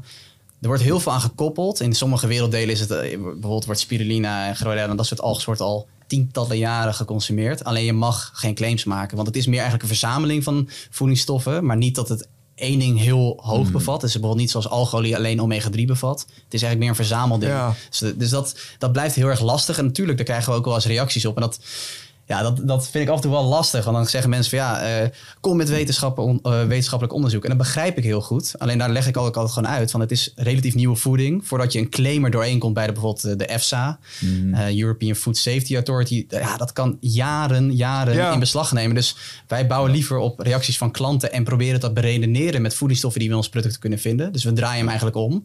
En heel veel mensen vinden dat prima. Maar uiteraard zul je mensen hebben die zeggen van ja, maak het maar hard. Ja. ik heb met dat bijltje moeten hakken voor Nutrofit destijds met de Nederlandse Voedsel- en Warenwetautoriteit. Ja. Eh, die, hebben een, eh, die hebben onze website toen gescreend op claims. En dat Ja. doen ze echt wel meticuleus hoor. Want eh, ze hebben alle producten nagelopen. Toen hadden ze de, op één of twee hadden ze gewoon op- en aanmerkingen. Maar er was geen sinecures voor, joh, dit moet je wel aanpassen. En let op met deze en deze producten. Want nou, dit was dan een hele coulante inspecteur. Maar daar staan flinke, flinke boetes op. En toen heeft hij mij een website gegeven. Hij zegt, wat je eigenlijk moet doen, is al je producten nalopen nu. Even checken of wat, wat we erover vermelden, bijvoorbeeld over vitamine C, mag je sommige dingen zeggen. Ja. Maar de verwoording neemt zo nauw wel. De producten die zouden dan ehm, ehm, Helpen bij helpen bij, ja, bijvoorbeeld bij slaap. Ehm, en, en dan mag je niet zeggen help bij slaap. Nee, dan moet je zeggen verbetert mogelijk de slaap. En Ja. echt op dat niveau, zeg Ja, maar. ja. Zijn woordjes. Het- Kouwen ze taalkundig voor wat je zegt, omdat anders eh, ja, de claims te beladen zijn of Ja. zo. Ja, en enerzijds vind ik het heel goed dat Ja, ze ik dat wou doen. net zeggen, wat vind je eh, Ja, ik vind, ik vind het enerzijds heel goed dat ze dat doen. Want er zijn... Ja, je struikelt af en toe over de, de nieuwe supplementenmerken. En eh, zeker in het begin, dat hebben wij natuurlijk zelf ook meegemaakt. Je moet iets doen om in de aandacht te komen. En je moet wat doen om een beetje mensen eh, ja, naar je website toe te trekken. En Ja. ook met mensen nodig die het gaan uitproberen. Dus ik snap wel dat er, ehm, dat er goed op gecontroleerd wordt. Maar anderzijds is het ook voor, voor, ja, voor producten die dus wel enorm veel mensen helpen. Maar waar je niks over mag zeggen, is dat wel lastig om dat dan die message verder te verspreiden. En daarin hebben wij bijvoorbeeld een hele duidelijke keuze gemaakt. Van we gaan niet claims maken over dit product. Maar we gaan gewoon puur bouwen op wat onze klanten ons vertellen. Dus dat we zeggen altijd van ehm, ja, onze klanten ervaren puntje, puntje, puntje. Ja. En dat kunnen we heel duidelijk aantonen. Want we hebben 700 reviews bijna met een score van 4,9 uit 5 sterren. Goed man. En eh, we hebben laatst één, één ster review gekregen. Maar dat was omdat we uitverkocht waren. En iemand was zo teleurgesteld dat hij niet opnieuw kon bestellen. Fucker. Daar hebben we het ook wel weer leuk op ingehaakt. Nou, ja, dat is echt, het is echt eh, ja, wel heel cool om dat soort dingen te zien. En daar, ja, daar, we hebben nu ook bijvoorbeeld een nieuwe actie gestart. Die zijn vast ook wel bekend met eh, user-generated content. Zeker. Ja. Eh, daar irriteerden wij ons een beetje aan. Want er zijn heel veel bedrijven die ja, gewoon men, acteurs inhuren en zeggen van... nou, jij bent vanaf nu een user van ons product. Hier heb je een script. Ja, Eh, dit zijn de claims die wij niet mogen maken. Maar jij bent een user. Dus als jij dat gewoon zegt, maken we er samen een filmpje van. Krijg jij 300 euro. Kunnen wij het als advertentie doen en dan iedereen gelooft het. Oké. Oh, wow. 300 is te weinig. Voor 300.000 zou ik hier nog wel voor openstaan. Nee, maar dat Ja. gebeurt echt eh, heel erg veel. Ja. En eh, wat wij hebben, toen, wij hebben toen bedacht van ja, maar wij krijgen zoveel vette reacties binnen. Kunnen we niet gewoon onze echte klanten vragen om ons te helpen met Ja, oprechte user-generated content? Dus we hebben de, eigenlijk een leuke campagne bedacht, de planktoppers. Waarmee we eigenlijk de definitie van die eh, us- user-generated content terug wilden brengen. Dat gaat tot nu toe supergoed. We zijn bij een aantal mensen langs geweest. We hebben hele toffe content ontvangen. En er gaan nog heel veel leuke dingen aankomen. Dat is echt een leuke ontwikkeling. Leuk man. Ja, dat is wel cool. Ik weet nog wel dat... eh, in, een- wat had je op een gegeven moment in Amerika? Had je ook die, eh, die Bulletproof... eh daar zijn wij, wij, wij hebben Bulletproof naar Nederland gehaald. hè? Hoe heet die vet Ja. weer? Dave Asprey. Asprey. Ja. Ja, Maar ik weet nog wel dat hij op een gegeven moment... eh, kreeg toen een beetje podium bij Joe Rogan. Mhm. En dat heeft er echt voor... eh, echt, heeft echt wel gezorgd voor een hoop groei. Mycotoxins. En die zat er de hele tijd over dat de mycotoxins op eh, schimmels zaten op de koffie. Dat was slecht voor je. Daar kreeg je hoofdpijn van. En, eh, en iedereen ging mee in die saga. En toen had eh Onnet op een gegeven moment gewoon willekeurig koffie in de supermarkt gehaald. Eh, en dat ook laten controleren op die mycotoxins. En echt geen enkele had dat. Nee. Omdat een koffie-expert een keer bij Joe Rogan had gezegd van... Yo, eh, er is helemaal geen speciaal proces om die mycotoxins te verwijderen. Dat is gewoon door en door. Dat gebeurt overal hetzelfde. Ja. maar dat is wel gevaarlijk natuurlijk. maar dat is wat de, tegen als- die wereld vecht je wel. Dat is de, toch, Ja. Dus, ja, snake oil. eh, gewoon Ja, creëer een probleem en zorg dat je een oplossing hebt. Ja, dat is natuurlijk gigantische business op dit moment. Er zijn zoveel goeroes en mensen die zeggen van... ja, een beetje bangmakerij misschien. En zeker in Amerika, waar je gewoon een kruisje ervoor zet voor een claim. En dan zeg je, is not proved. by- dat kruisje ervoor betekent not, not approved by de FDA, wat dan de Ja. Ja. FSA is. En eh, daar loop je wel tegen te knokken. Komt. Ja, in Amerika Ja. zit het anders met de wet en regelgeving over dit soort dingen. Ja, klopt. maar het is, wel, eh, het is wel jammer, denk ik, want wij... Kijk, wij proberen dat dan door heel transparant en heel open te zijn... proberen we daar een beetje tegenin te gaan... en hopen dat mensen dat ook oprecht zo zien... dat wij het wel op een andere manier willen doen. 100%. Maar er zijn ook wel heel veel mensen die ons denk ik een beetje onder hetzelfde... eh, onder, onder dezelfde noemer eh, nemen. En ons ook zien misschien als mensen die... Ja, Weer, met, weer met zo'n product komen en weer allemaal claims gaan maken... en weer al vertellen hoe goed het wel niet is. Maar ja, dat zijn ook de mensen die supplementen dan eh, allemaal in hetzelfde schuitje zetten. Ja, als precies. Onzin. En daarin, eh, ja, daarin proberen we wel echt een onderscheidende manier van communicatie te hebben. En daar ook heel open en transparant en oprecht in te zijn. ja. Mooi. Maar het blijft een struggle. het, is Ja. wel, het is altijd een hele interessante Ja, dynamiek die er vind het ook ontstaat. wel weer een leuke strijd om Zeker. het op een andere manier te doen. En echt, eh, ja, Ja. Nou ja, en ik ben, ben er recentelijk ook achtergekomen. Er is een hele groep mensen wiens businessmodel is om zich hier tegen te ageren. En dat is dan weer hun ding. Ja. Zeg maar in het kader van... eh, eh, ja, dit, soort- dit, en ik vind het goed dat dat gebeurt. Ik zal je wat anders vertellen. Ik heb een... ik even tactisch vertellen dit, voordat iemand zijn baan verliest.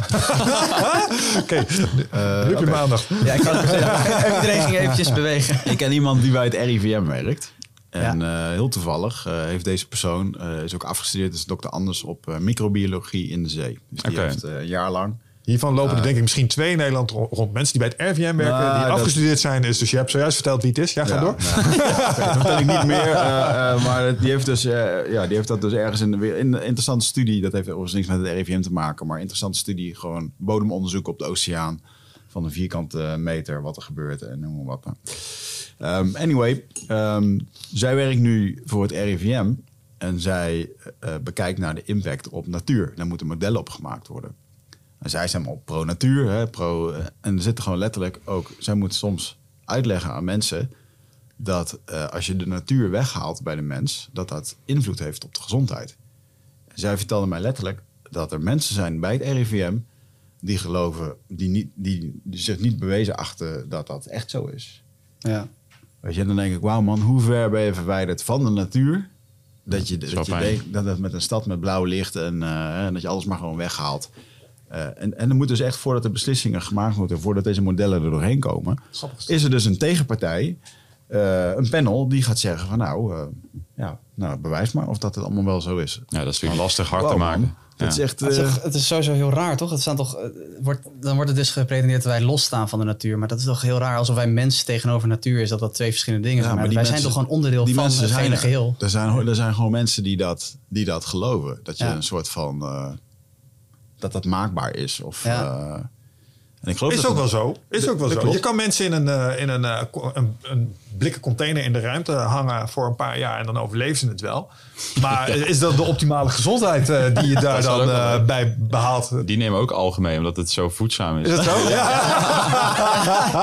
Oké. Ik denk dat je veilig kan Yes. stellen dat als het in het ruimte, zeg maar als het op het ISS terechtkomt, dat er toch wel enige wetenschappelijke basis ligt in waarom ze het meenemen naar boven. Omdat elke gram die je meeneemt naar boven like 10.000 euro kost Dat of is zo. het ook. Het kleine Ja. hoeveelheid, grote Ja, effect. ja, ja. Ja, als je bijna doodgaat in het ziekenhuis, krijg je ook astronautenvoeding, toch? Krijg je via een buisje naar binnen. Ik weet het niet. Ik moet nu alleen wel denken aan dat ene filmpje waarbij wel een keer een gast een gorilla pak heeft meegesmokkeld, zeg maar, aan boord van het ruimtestation. En die daarmee achter zijn echt- collega's aan ging. Die heeft echt offers gemaakt en het spul wat je zelf mee mocht nemen om dat pak mee te nemen. Ze kunnen gewoon vinden op het internet dit. Ja, zo'n gast die, zie je door dat gorilla pak aanpakt, die zweeft naar een paar van die collega's. Maar dan zie die collega's ineens op een, ja, zeg maar door die dingen heen zwemmen. Van, help, ik word toch van aangezeten door een aap.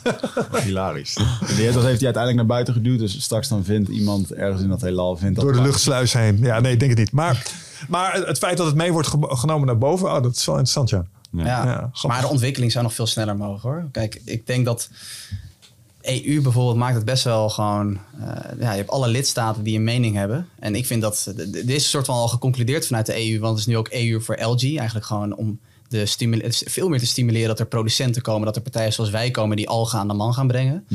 Alleen toch nog steeds is, is bijvoorbeeld, eh, alles is natuurlijk gegoten in regelgeving binnen, binnen de EU, wat het ook soms heel lastig maakt om mooie nieuwe innovaties waar echt vraag naar is en ook misschien ook wel meer haast bij komt kijken dan we misschien wel denken. Hadden we volgens mij voor de aflevering ook al. Ja, we, zijn ja. al we zijn al best wel ver in een proces met klimaatverandering. En we moeten toch wel echt naar alternatieven gaan kijken die duurzaam zijn. Eh, dan zou wat mij betreft er veel meer focus moeten liggen van waarom gaan we die algen niet veel grootschaliger eh, produceren. Want schaalbaarheid is eigenlijk op dit moment ook nog een uitdaging. Het is vrij kostbaar nog, omdat, je het op, omdat het nog relatief op kleine schaal gebeurt. En dat is uiteindelijk ook, moet dat gewoon veel meer gestimuleerd worden. Is het eigenlijk mogelijk om middels de productie van deze algen ook het, de, of van dit plankton ook het niveau van het plankton in de oceaan weer te vergroten? Want zoals ik je er straks over hoorde, is dit een proces wat eigenlijk plaatsvindt op het land. Ja, je wilt het eigenlijk los van elkaar zien, want je wilt juist de oceanen dus met rust laten. Dat is ook een van onze ja, slogans die we Ah, ja, oké, akkoord. Ja. Wij- de, de potentie is door, eigenlijk ook door technologie gezien wat er allemaal uit algen en zeewier gehaald kan worden. Maar wil, je je wilt juist niet de oceanen daarvoor, daarmee aantasten. Maar we weten nu, we- ja, dat, dat is het mooie van de ontwikkeling die we tegenwoordig wel, dat is het positieve. We kunnen op een hele mooie, efficiënte manier algen kweken. Dus we hoeven daar Ja. gelukkig de oceaan niet Ja, nee, maar omdat we, eh, omdat we het ook hebben over de voordelen voor het ecosysteem van Ja. eh, plankton. Kijk, wat ik het tof vond aan eh North Sea Farms is dat, ja, oké, we zijn gewoon in de Noordzee, zijn we gewoon hele velden met zeewier aan het aanleggen. Dus die doen direct iets in het water. Dat, Ehm, die farms heb je ook. Wij, wij, gaan, Ja, wij gaan nu werken met eh nou, Dutch Seaweed Group. Ik kan misschien wel even bijpakken. ja, laat die producten zien eh, waar jullie het over hadden. Ja, even kijken. We Zeewier hebben taart. twee producten mee. proeverij. We zijn- ja, we hebben dus niet alleen nog supple- supplementen. Maar we gaan dus over... Dit, is ook, dit, dit weet nog niemand trouwens. Dat is ook wel Ja, grappig. een primeurtje dit hoor. Dit is eh zeewier uit de Oosterschelde. En dat, dat zijn dus precies die, eh die zeewierfarms die je eigenlijk, eh, ja, die jij, die, waar jij het over hebt. Alleen het mooie hieraan is, dit is gewoon een natuurlijk zoutvervanger. Oh ja. En wat het mooie is, het, het, het zout is Lijkt natuurlijk... ja, maar het is echt serieus lekker. Dat Ja, nou ja, nee, ik gooi allerlei kruiden door mijn eten heen. Dus, Het is heel interessant dat je dit zegt, want ik heb dus ooit een keertje bij een ehm, soort sterrenkok bekend van televisie. Ehm, Gordon Ramsay. ja, nee, ik ben Nederlandse Ja, kok, of? zeker, Matthijs, maar ik ben zijn achternaam kwijt. Eh, anyway, die had een avond georganiseerd Ja. en eh, daar stond wat groens op tafel. En ik dacht, ja, ik heb zout nodig. En toen vroeg ik daar om zout. Dat moet je eigenlijk nooit doen in een heel duur restaurant. Nee, want dat dan is, zijn ze eh, beledigd, weet je wel. En toen zeiden ze, Ik vraag dat, altijd om mayonaise. dat, dat ook is niet te vervangen. dat is te vervangen. En dat was ook... eh, Ja, wat het mooie aan is, naast dat het lekker is, is dus bijvoorbeeld hè, zout. eh, er wordt altijd heel. eh, ra- eh, mensen worden helemaal zenuwachtig als er zout is, want dat is zogenaamd slecht. Het ligt natuurlijk aan hoeveel je binnenkrijgt. Er zit natrium in. Nou, dit bevat gewoon eh, natrium, maar het bevat dus ook verschillende mineralen: magnesium, eh, ijzer, noem maar op. Ja, ja. Dus het is veel. Het, dat- eigenlijk, wij noemen het, er staat ook op de verpakking, meer dan zout. Dus het is complexer in de smaak. Eh, het is complexer in de voedingswaarde. Ja. En het kan daarnaast ook nog eens heel verantwoord gemaakt worden. eh, waarbij het ook nog ja, toevoegt aan bijvoorbeeld de biodiversiteit. Dus dat is Ja, wel tof. Dus dit is wakame en we hebben ook Royal Kumbu gaan we doen. En dat zijn eigenlijk twee eh, zeewieren die in Nederland worden gekweekt. En het mooie eraan is, is dat bijna alle zeewier komt uit Azië of uit Frankrijk. Maar wij halen het gewoon uit Nederland.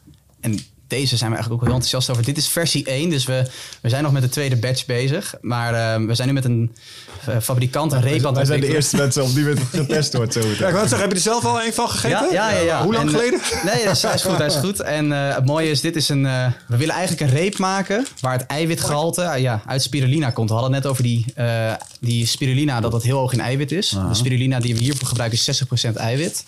En wat we nu als doel hebben, nu zit in deze reep zo'n 10% eh, spirulina. Maar we zijn met nu test 2 bezig om 20, 30% algen in deze reep te krijgen en het lekker te laten worden. Oh, dit is niet eens slecht. Nee. En dat, het mooie is dus, we zijn, dit is onze eerste stap om te laten zien... je kan gewoon eiwitten uit algen halen en lekker maken. We zijn nog niet waar we willen zijn, maar ik hoop dat we het eigenlijk over twee, drie maanden... Vier maanden wel live hebben. Eh Goji. Oh. Nou, oké man. Ja. Nou, plak hem. En je kan het natuurlijk nog lekkerder maken, want we hadden ook een test gekregen met een ch- chocoladecoating. Dan is weer de afweging. Eigenlijk is het ook prima om eens een keer heel lekkers op de markt te brengen. Als je wel laat zien van hé, we kunnen 20% algen hierin verwerken, of 30 zelfs. Door, w- w- chocola, suiker, dat soort dingen toch weer minder. Klopt, Gezond, ja. tuurlijk. Alleen er blijft altijd een afweging van... misschien moet je juist op een gegeven moment ook een product maken... wat misschien iets minder gezond is... maar wel heel erg eh, voor mensen een, een, een, geluksmomentje kan opleveren... dat gewoon heel lekker is. Het is ook een beetje een alternatief als je kijkt naar de andere algen of de andere repen die op de markt zijn. Zou dit een heel mooi alternatief zijn dat er eigenlijk geen bewerkte producten in zitten. Dus eigenlijk iedere reep bevat, eh, een, Nee, eh, helaas. een aantal, een aantal ingrediënten heel erg zwaar bewerkt zijn. En dit zijn gewoon puur natuurlijke, onbewerkte dingen. Dus dat is wel heel cool. Ik heb wel hoeveel van die repen wel niet getest en geproefd. Ja, man. Nou, dus ik kan wel redelijk inschatten Maar- hoe die fitnessbars eh, zich verhouden tot elkaar. Maar deze is lekker. Dus ja, moet, test 2 komt er binnenkort aan. Dus eh, Stuur een doosje op. Wanneer wordt het, wanneer wordt het gelanceerd? We hopen, ja, we zijn dus nog bezig met optimaliseren en het, eh, vooral het, het, eh, het algengehalte hoger te krijgen. Eh, dus ik denk dat we nieuwe samples over een maandje, anderhalf weer ontvangen. En dan moeten, moeten er denk ik de puntjes op de i. Dan weer- we zijn echt heel, heel, we kijken heel erg uit om dit te kunnen Ik lanceren. geloof dat de, de grote uitdaging hierbij was altijd de houdbaarheid en de, Ja, die is korter. hoe lang hou je het vers met. Ja. eh, Ja. Want hoe meer zooi je erin gooit, hoe langer het houdbaar blijft. Ja. En wij gooien er bijvoorbeeld, er zit alleen natuurlijke producten hierin. Dus er zit niks in van smaak of eh, inderdaad om eh, bepaalde stoffen die het langer houdbaar maken. Ja, het zijn dat echt zes ingrediënten die erin zitten en dat is allemaal gewoon cacao, koji. eh, Houdbaarheid, dat was op een gegeven moment met die bars altijd wel een dingetje. Dan had je weer van die dingen die je eigenlijk, mm, ja... En als ze, als ze te lang blijven liggen, en ook al zitten ze nog binnen de houdbaarheidsdatum, hoe ze eruit zien, eh, dat wordt, dan, dan op een gegeven moment denk je, hm, is dit Ze nog goed of harder. zo, weet je wel? Ze Ja. worden ook harder. Dat de olie eruit kwam. Ja, precies. Ja, dat van die dingen, dat de olie eruit kwam en zo. En dat was Ja. dan inderdaad het... eh, Wat, wel, wat wel leuk hieraan is, zeg maar, een jaar of anderhalf jaar geleden waar zaten we bij eh, Overvoeding, een andere podcast. En toen werd er ook gevraagd van ja, toen hadden we dus een, toen hadden we het, eh, eigenlijk het planktonpoeder meegenomen en een receptenboek. En toen hadden we een paar dingen gemaakt waar dat in verwerkt zat. Er werd ook gevraagd van ja, maar hoe ga je dat dan, hoe ga je die stap dan maken van een supplementenmerk naar een voedingsmerk? En het is wel heel tof dat we nu hier eigenlijk weer bij een podcast zitten waarbij we de eerste stap eigenlijk die we Ja. hebben genomen de afgelopen tijd, waarbij we echt die belofte waar gaan maken, dat we die nu ook kunnen laten zien en jullie het kunnen laten ervaren. En eh, daar zijn we wel heel erg trots op eigenlijk. Ja, ik vind het gewoon heel gaaf dat je dit product hebt. En dat iedereen gebruikt taal- eh, peper en zout thuis. Maar dat dit mogelijk gewoon je, je zoutvervanger kan gaan zijn. Ja, je moet zorgen dat dit bij de Jumbo en zo dus in die kruidenrekken terechtkomt. Ja. Ja, Als je uiteindelijk dat moet je wel daar zijn. krijgen, Ja. dan... dan Dus eh, Jumbo, als je meeluistert. ja, dan ga je de is retailmarkt in, jongen. Dat is, eh dat is margeneuken. Daar Ja, ja, Ja, We we hebben wel eens ja, we hebben wel eens inderdaad een beetje die hoeken op. eh, Ja. Dan moet je wel 3 miljoen potjes gaan bestellen. maar anders, dat, eh, maar dat zijn wel de aantallen. Want Ja, we- nee, zeker. we hebben hier een jongen aan de overkant, dat was wel een ding. We hebben een jongen aan de overkant gehad, waar je net zaten. Die eh, had proteïne-ijs bedacht. Oh, tof. Fucking goed idee. En Albert Heijn kocht dat. En vanaf het moment dat dat liep, ja, dat ging echt goed. ja, mooi. Hij zit hier Tot- niet meer. totdat- hij zit nu in een totdat- ja, nou, hij zit- ja. Hij zit hier niet meer, totdat Albert Heijn bedacht van oké, we gaan er zelf eentje laten Ja, produceren. dat Ja, is, tuurlijk, dat is ja, natuurlijk wel ja, het gevaar met retail. En, ehm, eh, maar neem niet weg dat je, eh, als je de massa wil bereiken, eh, mensen lopen langs die schappen. Ja. En, Ja, ik denk dat wij, eh, wij zijn denk ik vooral bezig met een heel sterk merk opbouwen en eh, gewoon hele goede kwaliteit producten leveren, waardoor mensen ons echt kennen als de algen-experts. En dat willen we, dat ik denk dat we dat al zijn en dat willen we ook echt zo bekend eh, komen te staan. En als je die reputatie op een gegeven moment hebt, dat, dat, dat je rijp moet zijn om die stap op een gegeven moment te maken. Want anders krijg je inderdaad dat iemand anders het na gaat maken en dat ze dan eh, ja, ja, maar ik zie je ideeën vandoor. in de ecoplaza's liggen. Zo, een beetje Ja, de biowinkels Ja, daar en, zitten we ook eh, al naar te kijken. Alleen focus is nu gewoon heel erg nog online. Ja. Alleen nu gaan we natuurlijk meer naar voedingsproducten. En dat zien we wel meer in de Zeker. ecoplazes liggen, zoals dit product, eh, zo'n reep. Eh, dus daar, daar, daar, daar gaan we natuurlijk nog binnenkort naar kijken van hoe, Leuk man. hoe zien we dit voor ons. Eh, Maar het is een hele leuke switch in, in denk ik, het bestaan van Plankton, waar wij allebei Ja. Heel erg enthousiast van worden om hiermee door te gaan. En eigenlijk willen we alleen maar meer ontwikkelen nu. Ja, ik van- weet nog goed hoe dat voelt, man. Toen wij onze eerste flessen MCT-olie binnenkregen, onze eerste pot away, eh, Ja. al die, volgens mij staan ze hier nog wel. Ja, Ja, je hebt toch gevoel, hey, ja, maar je hebt het ook vast en het is iets tastbaars. En het is- Ja, shit, cool, hè? we zijn dit gewoon aan het maken, Ja, weet je wel. Later als ik groot ben is nu. Ja, ja nee, 100%. Dat gevoel herken En, ik heel dat- misschien moeten we elkaar nog iets vaker eh, gewoon of jezelf even knijpen van ja, het is wel echt, het is wel echt tof waar we mee bezig zijn. Het gaat er echt goed, is het leuk. Ja, je moet wel een beetje voor waken. Dat, dat hebben we soms een beetje last van. Dat je alleen maar... Je, je, wilt meer. Ja, en dat is niet meer per se in de, meer... Ja, je wilt natuurlijk ook op een gegeven moment eh, commercieel en eh, eh, succesvol zijn. Maar je wilt ook gewoon... Er moet een nieuw product komen. Er moet weer dat komen. We moeten... eh, Meer waarde bieden. activatie, Ja. meer waarde bieden. En op een gegeven moment... flashbacks naar Ja. twee, drie jaar geleden, jongen. En stilstaan is best lastig. Ja. gewoon, eh, wat ik heel leuk vind, is dit nu aan jullie geven. En dat jullie zeggen van, hé, dit is gewoon... Ja. Dat stimuleert alleen maar om die versie 2 nog even twee keer beter te krijgen. En Dat, Ja. is, gewoon, dat, ja, dat is gewoon echt heel tof. Wat, wat zou nou, oké dan, wat zou dan de, ehm, voor, we, we kennen jullie verder niet en weten niet hoe het bedrijf er, eh, we kennen jullie niet op een manier dat we jullie coachen of wat dan ook, maar nu met jouw Nu- Nutrifit ervaringen, wat zou je dan aan eh, de, de nieuwe supplementenmerken willen meegeven? Wat Oh, dat wat is een goede vraag. Ja, leuk. Om, een go- goede, goede vraag. Dus eh, eigenlijk is de vraag, wat hebben wij verneukt wat we beter hadden moeten doen? Ja, dat, eh, ik probeer, ik probeer marketingwijs voorde ik het beter. Maar Ja, nou, ik denk dat een van de dingen die jullie echt heel goed doen, want wij hebben ook altijd groepen user-generated content, user-generated content. En eh, vonden van alles van marketing, wat beter uit de verf had kunnen komen als eh, het uiteindelijk gedaan is. Dus dat is één.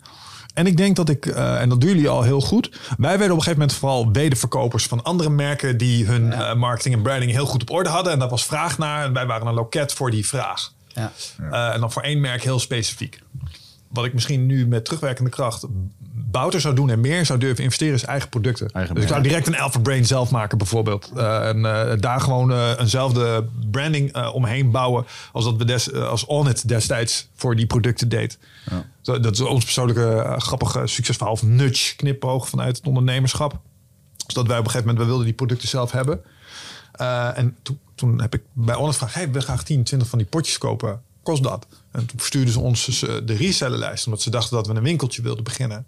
En toen zagen we wat, zeg maar, wat je kon verdienen als je dat als ondernemer zelf verkocht. En toen Ja. zijn we direct een webshop gaan bouwen. En nog voordat die af was, hadden we al de eerste bestellingen. Omdat er gewoon zoveel werd gezorgd. En die pagina was al geïndexeerd door Google. Maar er werd zoveel gezorgd op Alpha Brain van Onit, ook vanuit Nederland.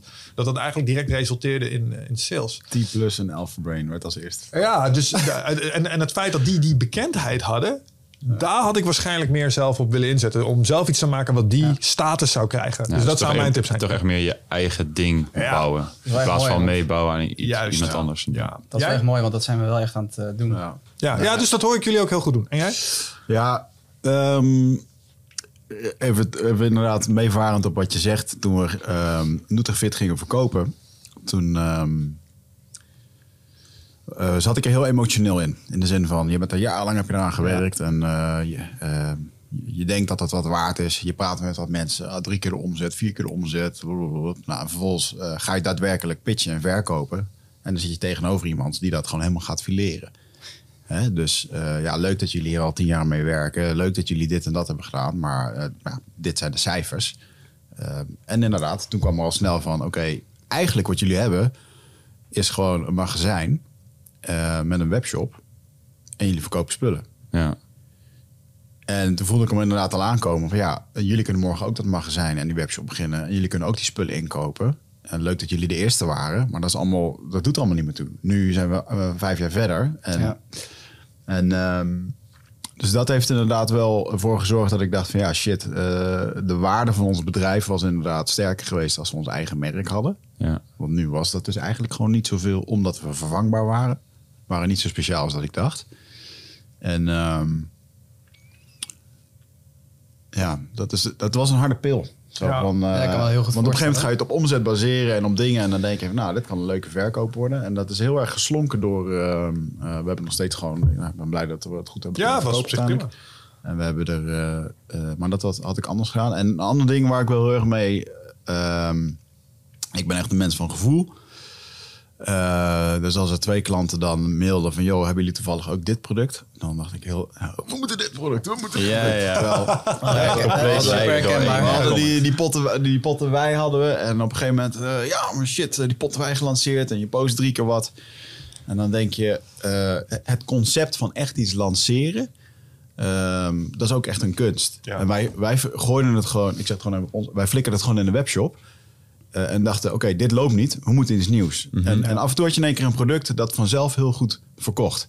Bijvoorbeeld, we hadden op een gegeven moment ook Epsom zout. Dat vond ik ook echt een lachen ding. Ja. Van die zakken met Epsom besteld en dan zelf in kleinere zakjes doen. En, Ah, ja, we een soort van- middag in dat magazijn doorgebracht, jongen. Ja. eh, voelden we, die handschoentjes aan. Een soort van uh, drugsdealer-achtige eh, vibe had het bijna, weet je wel.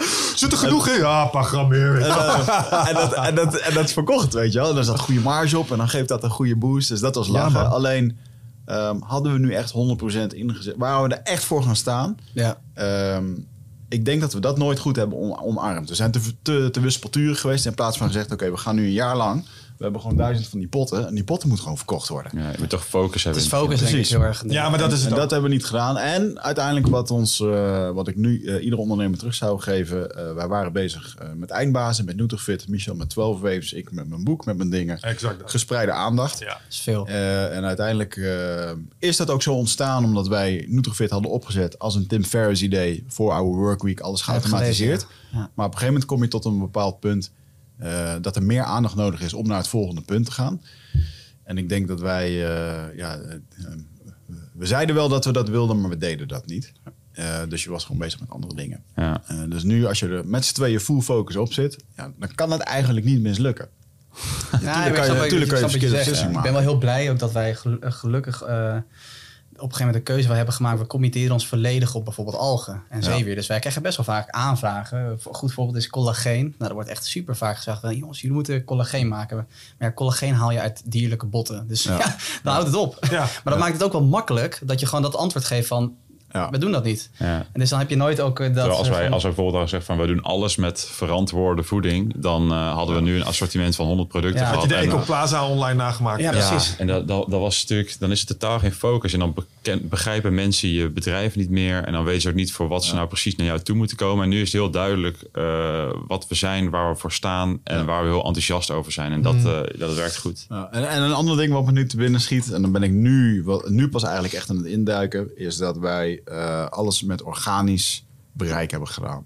Oh ja. Oh ja. Dus met de Oh, podcast, ik met, eh, Ja. maar ook, door, het mer- ook Ja. door de merken die we hadden. Die droegen daar zeker aan bij. ja. Ehm, en ehm, eh, dat leverde eigenlijk al een hele goede webshops op. En nu ik erop terugkijk, ik reflecteer hier nog wekelijks over of dat ik dat de juiste, de keuze heb gemaakt. Oké, ja, wel bent. Eh, en nou, bijvoorbeeld een heel mooi voorbeeld. Wij zijn overgenomen door iemand en die doen helemaal niks met social media. Sterker nog, die doen alleen maar eh, paid ads. Ja, Ja. Want dat geeft feedback, dat geeft data, gaat helemaal weg van de gevoel en de emotie van wat wij denken. ja. Eh, dat spelletje, plus het lanceren, eh, dat hebben wij nooit echt uitgespeeld. Mhm. En dan zou ik daar nu op teruggaan. Ik had laatst nog iemand, een eh, Bas Eurlings, shout-out naar Bas.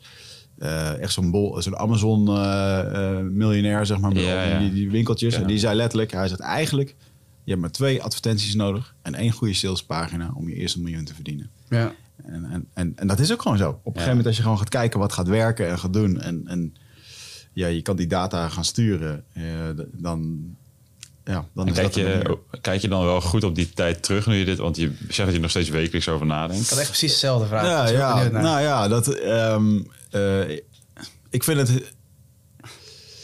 Ik vind het heel lastig. Eh, ik doe nu echt wat ik, eh, wat ik leuk vind. Eh, maar ik zit nog wel eens met de vraag van ja, voor- als we nou dit hadden gedaan. Ja. En soms moet dat, dat moet ik niet doen. Zeg gewoon, dus jij, jij wilde de Ergomax exit. Wij zijn een soort van begonnen met een clubje Ergomax. Die jongens zaten full focus op supplementen. Het is Ja. het enige wat ze gedaan. Die hebben het op een gegeven moment verkocht. Die zijn klaar. En dat had dit ook kunnen Ja. zijn als Ja. wij niet Ja. ook eindbaas hadden gedaan en boeken. Maar ehm, die voel ik ook wel. Maar tegelijkertijd wat ik heel knap vind aan ons... is dat wij gewoon ons hart volgen en doen wat we echt tof vonden. Zeker. Maar met- Ehm, Dat is ook eh, een hele hoop waard. Ja, want op een gegeven moment als je... Veel kijk, meer waarschijnlijk. Kijk, eh, ik kan jullie, eh, ik, ik, ik kan de passie die jullie hebben hiervoor, voor die, voor die poeders en daarmee bezig zijn en die producten maken, kan ik voelen. Want ik, Ja. ik- en ik herken hem. Maar die ging op een gegeven moment bij mij uit. En ik geloof dat je Ja. dan gaat trekken aan een dood paard. Absoluut. Ehm, ja. want, want ik geloof, volg je, ja, je je energie in dat opzicht. En als we dan in die Nutrifit overlegjes zaten. Ja, dat moet je Ja, niet op een gegeven moment was dat niet meer leuk. inderdaad. Nee, precies. Ja, maar het, is, Dus- het is heel lang onze exit. We hebben dus, wat we wel echt goed gemanifesteerd hebben, is dat we. We wilden die 4-hour workweek. En op een gegeven moment hebben wij echt, nou, met minder dan vier uur, hebben wij lachend geld verdiend. Nou, dat eh, vind ik echt knap. Voor uren bij hier. En, het, en ik denk ook, het grote voordeel daarbij was ook dat wij, ehm eh, wij kwamen in een tijd waarbij al die merken, die waren op zoek naar markt. Letterlijk bij Onnet eh, werd gezegd, als wij eh, in Europa en in Nederland in de winkel liggen, dan, zijn, dan, hebben, we het, dan hebben, we het, hebben we een mijlpaal bereikt. Ja. En eh, wat zij dus deden, was het potje wat wij voor 30 dollar verkochten, eh konden we voor 12 dollar inkopen. Want zij wilden gewoon markt inkopen. Het was gewoon, we moesten, ze moesten daar komen te liggen. Mhm. En eh, acht jaar later dat wij met hun zaten, kwam ik daar op kantoor. En ze zei, ik ben daar letterlijk geweest toen ze nog met 20 man zaten. Dan ben ik nog bij die Aubrey Marcus thuis uitgenodigd om te eten en te doen. Samen dronken geworden. En toen kwam ik twee jaar later en toen zaten er in één keer 400 man op het, eh, op het kantoor. Weet je, was een hele andere Ja, dat is vibe bizar. met, met sales managers en dingen. En, eh, en toen werd er echt gewoon gezegd van ja, eh, we hebben gewoon gruwelijk de fout gemaakt om te denken dat wij, als we in Europa liggen, dat daar de markt ligt. Terwijl de markt ligt gewoon in Amerika. Dus dat is nu waar we nu op focussen. En, en dat is ook wel een mooi inzicht over eh, ja, hoe dat zo'n merk daarin kijkt. Hè. En ook, Ja. eh, ik denk dat voor Nederland is best wel beperkt, eh, is natuurlijk een beperkte markt. Ja, Europa is een complexe markt voor alle ingrediënten en dingen waar je eh, Zeker. terecht kan komen. klopt. Ja. Maar dat was wel een. eh, eh, ja. ja. dus, maar waar ik me, dan- wat ik mezelf dan verwijt is, ik mis dan wel eens shit. Meer commitment aan één ding had ik moeten geven. Ah, zo. En uiteindelijk ben ik er ook wel eens achter gekomen voor mezelf, eerlijke reflectie, dat eh, het veel bezig zijn met verschillende projecten, eh, dat dat ook een soort eh, spreiding is van de angst. Van, hè, als het ene Ah, zo, lukt, ja, dan kan op je het, manier. Ah, oh, ja. dan het andere doen. kan me ook voorstellen hoor. Waardoor je dus een hele hoop dingetjes aan het doen bent die eigenlijk allemaal net niet de focus hebben. Dus ik, ik heb ontzettend veel bewondering als mensen all in op één ding gaan. Dus dat doen jullie goed, Ja, jongens. dus Dat is dat eh, doen de jullie bottom goed. line. Ja. Heel, dat heel veel mensen konden niet geloven in het begin dat ik toen ik net begon dat ik dat fulltime deed. Ja. Ja, dat was echt de- bizar. en ook op deze leeftijd, weet je wel. Ja, je Want bent- je, je bent nu 28 en dan denk ik, fuck man, dit is tof. Want je bent nu met iets bezig, het draait al, je hebt de eerste hobbels overwonnen. Eigenlijk kan het niet fout gaan, snap je? Als je die Ja. focus maar houdt. Ja, dat zijn wel goede tips en ook wel heel mooi om te horen inderdaad. Dat was bij mij, eh, ook, ja, dat was, echt, dat was ook al in. Maar dat mensen zeiden van, ja, wat doe je ernaast dan? En ik, ja, ik, nee, ja, ik doe niks naast. Dit is het. Het is gewoon, we gaan het gewoon fixen of niet? Ja. en toen kwam Gijs erbij en toen kwamen- we snel in zoiets van, ja, we gaan dit fixen. Ja. En we gaan het gewoon echt... eh, Ja. Ik heb geen enkel moment getwijfeld of het, Nee. niet, het niet zou gaan worden. Wel struggles. Ja, jullie doen me heel erg denken aan dat merk Four Sigmatic. Want die jongen die begon uit eh, Zweden eh, Oh ja, paddenstoelen ja, van, ja, van bomen en dingen. Ja. En als je terugkijkt naar zijn, stond hij ook gewoon met zo'n steentje op van die natuurbeurzen Ja. te schreeuwen over paddenstoelen. En eh, dat is goed voor concentratie en Ah, paddenstoelen koffie. En uiteindelijk is dat dan een keer opgepikt eh, door- en woont nu in Amerika. En hij heeft, eh, ja, grappig genoeg heeft hij wel een keer, hij is echt multimiljonair. Maar gaf wel het advies eh, aan onze goede vriend Casper van der Meulen. Een keer op, een, eh, op zo'n soort miljonairsconferentie. ehm, gaf hij het advies van... Start nooit een bedrijf waarbij je producten verkoopt. In de zin van fysieke producten met voorraad en dingen. Doe iets, doe iets hoofdpijn, met ja. kennis en e-producten. Ja, dat Dus hebben we ook wel eens meegemaakt. Maar goed, Ja. die fulfillment, eh, de log- logistieke uitdagingen, die, dat zijn natuurlijk dan de volgende hobbels. Maar Ja. ja, maar ja nee. Hebben jullie al personeel? Ja, ja dat, is nu Leuk, onze, dat is nu onze uitdaging inderdaad. Ja, het is wel onwijs leuk om met een team te werken en dat echt eh, op te bouwen. Maar het brengt inderdaad ook weer eh, andere uitdagingen met zich mee. Het is vooral denk ik de, ja, de juiste schakels vinden. En ehm, we, willen, we hebben eigenlijk de ambitie om met een klein team heel groot te worden. En eh, we weten dat het, dat het kan. Zeker. En we zijn nu eigenlijk die, ja, die hele weg aan het ontdekken. En het is weer het is een totaal nieuwe rol waar je weer in komt. Want eerst zaten we, zaten we in een eh, kantoortje bij eh Tom zijn vader in het magazijn. Had Tom ooit zo'n hoekje dichtgebouwd.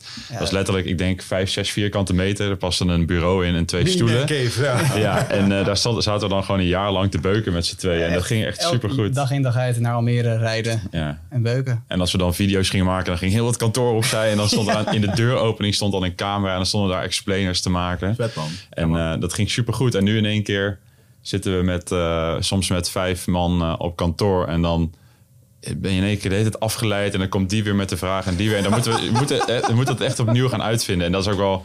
Ja, ik praat er met veel mensen over, over deze uitdaging. En iedereen Ja. zegt...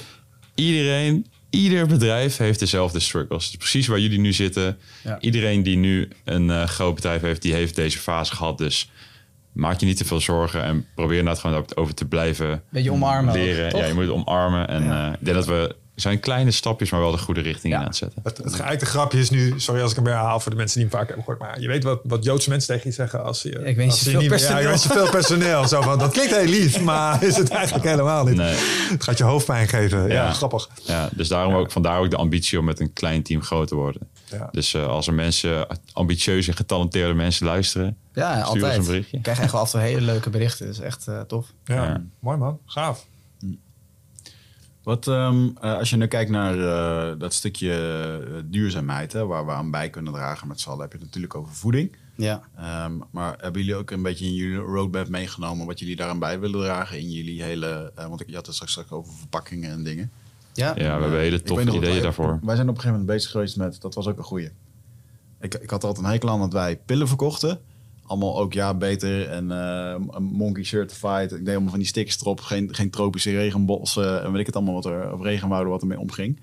Maar ik verkocht wel iedere keer een potje plastic, wat gewoon in het prullenbak ging. Ja. En op een gegeven moment hadden wij een soort iemand, maar die heeft dat nooit van de gro- grond kunnen krijgen. Dat waren dan van die bruine potjes, gemaakt van eh, rietsuiker of van een of Ja.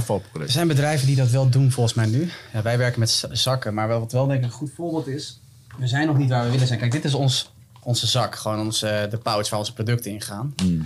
En dat versturen wij natuurlijk met PostNL of met DHL, weet ik het. Ehm, maar wat wel heel mooi is, is Nopla, is een eh, bedrijf uit Londen. En die maken eigenlijk, eh, ja, hun, hun slogan is: We make packaging disappear. Dus zij hebben bepaalde producten. Eh, ik denk dat de OO wel een heel gaaf voorbeeld is. Dat is- Ja, dat is wel tof. Dat is een, eh, ik weet niet of jullie wel eens een hardloopwedstrijd hebben gelopen of een marathon. Dan zie je aan het einde van de wedstrijd zie je overal troep liggen. Alleen maar bekertjes. Ja. Klinkt als een En, eh, festival. Daar ben ik wel eens geweest. Ja, Ja, dat zou een goed zo ziet het er inderdaad uit. En zij hebben dus een, eh, van algen hebben ze een folie gemaakt. En daar kun je dus sportdrank in stoppen. Maar je kan, je kan er ook ketchup in stoppen of wat je wil. Alles wat vloeibaar is. En ehm, dat, dus daar staan dus mensen langs de kant van de marathon. En dan die renners pakken zo'n zakje. Die scheuren het open, drinken het op. Dat kan je dan letterlijk opeten, dat zakje. Of je flikkert het in de natuur. En is het binnen vier weken is het verdwenen. Ja. Oh, wauw. En, eh, en van dat materiaal, daar willen we eigenlijk op den duur ook onze zakken van gaan maken. Daar zijn ze, eh, we zijn heel erg met hun in contact om eigenlijk al onze verpakkingen met hun op een gegeven moment te gaan maken. Maar we hebben wel een hele toffe eerste stap gezet. Ja, dus dit is 30% bestaat uit zeewier. En uh, uit, uit uh, dus het restmateriaal, restmateriaal van, van, zeewier. van wat we net, uh, dat ja. product wat ik net heb opgeschreven. Mm -hmm. Daar blijft natuurlijk ook fysiek materiaal van over. En dat is, daar maken ze dan weer karton van. Ja. En we gaan echt dit, denk ik, uh, nou nu is het idee om dit uh, volgens mij in november te gaan introduceren. Uh, we willen eigenlijk een beetje een soort ja, tegengeluid geven voor Black Friday. Dat wij gaan twee duurzaamheidsdingen juist doen. Omdat wij ook veel versturen. Dus wij, wij, wij, wij vervuilen ook met versturen. Maar we hebben twee hele vette dingen bedacht. Waardoor we dat aanzienlijk kunnen verminderen. Ja. En één daarvan is dit brievenbuspakketje. Waar 90% van onze pakketten, nou 70 of 80% van onze pakketten mee verstuurd worden. Mm. Te vervangen voor dit materiaal. Wat dus 30% uit zeewier bestaat. Ja. Dus het restmateriaal wordt dus, uh, het is een circulair bedrijf. Dus dat is wel heel erg tof. Dus dat, uh, ja, dat zijn ontwikkelingen waar we heel erg naar aan het kijken zijn. Stuur je ook wel eens van die grote dozen met vulsel? Want dat was op een gegeven moment uh, bij ons een ding. Wij stuurden van die, als je dan zo'n supplementenpakket werd besteld, dan gooi je dat allemaal in een doos en dan gooiden van die mensen gooiden van dat schuim vulsel in. Mm -hmm. En daar hadden ze op een gegeven moment ook een variant van gemaakt die je kon opeten. Ja, oh, wow. ja, kon, kon je gewoon. Dat, dat deed die gast, dat deed uh, Paul toen van zei, dit is wat we gebruiken. Ja, nee, we hebben niet, ja, we hebben niet dat hele grote... Vulspul. Dat ja. was een uh, soort, volgens mij van... Uh, Mm, ook iets met mais volgens mij. Ja. En als je Ja. dat vulspul gewoon in het water, dan lost het eigenlijk. Ja, dat is ook, onze zakken zijn ook van uh, uh, mais zetmeel volgens mij. Maar het is ook van, dat is het plastic wat hierin zit, is wel van hernieuwbare bronnen gemaakt. Mhm. En dit is dan, kijk, dit is dan een kleine stap, want het is natuurlijk, het is nog steeds gewoon materiaal wat verzonnen moet worden. Dus het is niet alsof het hiermee helemaal alle problemen is opgelost. Maar het is wel een leuke stap de goede richting in. En zo zien we eigenlijk alles waar we mee bezig zijn in ons ondernemerschap. Van kleine stapjes richting ja. Uh, betere variant van e-commerce dan hoe die er nu is. Ja. En uh, ik denk dat we daar hele ja, toffe dingen mee bezig zijn. En uh, ja, wat je zei over die grote dozen, dat hebben we niet echt. Omdat we het ook heel efficiënt proberen te Mm. verpakken. Ja. Dus we hebben deze ook zo klein mogelijk gemaakt dat er wel 70% van onze 80% van onze pakketjes in dit ding passen. Ja. Made in Holland, hè? want hebben jullie, hebben jullie niet je, je idee om je eigen, dat zou natuurlijk ook mooi zijn, om je gewoon je eigen planktontuin te hebben met algen en dingen. En, ja. uh, nou, we hebben wat, verschillende producten. Dus de, we hebben producten, we hebben een heel mooi product, Astaxanthine, een hele sterke antioxidant, die komt uit IJsland. Mm. We hebben zeewierproducten uit Frankrijk. Nou, dus dit nieuwe product wat er aankomt, is, komt uit de Oosterschelde. Mm. We hebben plankton uit Nederland. Dus we, hebben, we werken met verschillende gerenommeerde algenbedrijven samen. Ja. Maar we zijn wel bezig om voor ons hoofdproduct te kijken met, met een andere algenkweker ook. Om dat misschien wat meer... Uh, Exclusieve te nou, controle over de supply chain te krijgen. En meer invloed ook te kunnen hebben op het eindproduct. En dat vind ik iets wat heel belangrijk is bij ons. Wij, wij willen graag ja, toch wel gewoon de beste zijn. En gewoon het beste product kunnen leveren. Maar dan moet je dat ook hard kunnen maken. Dus we willen het product het meeste kunnen analyseren ten opzichte van andere bedrijven. Heel veel bedrijven gebruiken oude analyses. Die, die, het is best wel duur om voedingsstoffen te analyseren. Dus die pakken gewoon analyses uit 2020. Nou, ik, wij zouden graag willen dat we dat per kwartaal kunnen doen. En dat we Hmm. laten zien, nee, dit is het meest geteste product. We hebben invloed op de droogmethode, wat bijvoorbeeld voor algen ook heel belangrijk is. Hmm. Dus we zijn nu heel druk bezig met een partij om dit uh, van de grond te krijgen, om uh, meer, meer, hier meer invloed op te krijgen. Dus dat is ook wel heel gaaf. Uh, dus zodoende ga je ook een beetje de switch maken van alleen inkoop-verkoper zijn. Dat je echt veel meer gaat, mee, gaat bemoeien ook met de kwaliteit van de producten die je geleverd krijgt. Mm. Dus dat is wel een heel gaaf proces. Ja. ja. Klinkt shit, man. Klinkt goed. Ja, En als je nou kijkt naar de, de ehm, vo- voedingindustrie aan zich, hè? zijn er dan nog ooit zijsprongen die je zou willen maken als het gaat om. eh, eh, want we hadden het net even over. Je wil natuurlijk heel erg in de algen blijven hangen. Maar ja. ik kan me wel voorstellen dat op een gegeven moment dat er ook een soort van z- zijtak zou kunnen ontstaan die potentieel interessant is.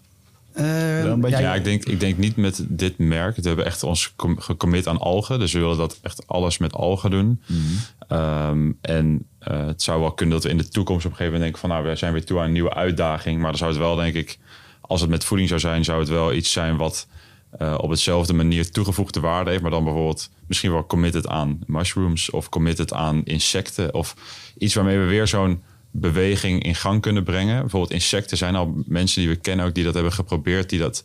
waarbij het toen een beetje ja, niet echt is gelukt... omdat mensen daar gewoon een beetje afkeer tegen hebben. Ik denk dat het heel erg draait om de manier van communicatie. Dus je moet het, je moet het interessant maken. Je moet mensen meenemen. Je moet ze enthousiasmeren over een bepaald product. En dat is...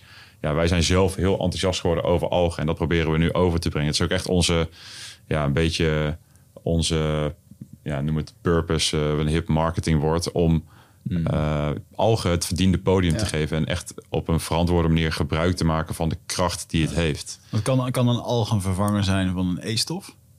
Ehm, durf ik niet zo te zeggen. Eh, Ik zag laatst zo'n voeding, Ja, dat- voedings- en warenautoriteit filmpje. Dat heel veel van die producten, die hebben nu bijvoorbeeld bietenzuur of andere dingen erin. Ja. Waarvan je denkt, hoe komt dat erin? Maar dat is eigenlijk omdat mensen liever dat lezen dan dat er er is E225 staat of zo. Er is, een. Oh, ja. eh, er is een E-stof die bijvoorbeeld uit een zeewier komt. Carrageen is dat. Hmm. Dus dat is, die- die zijn er al.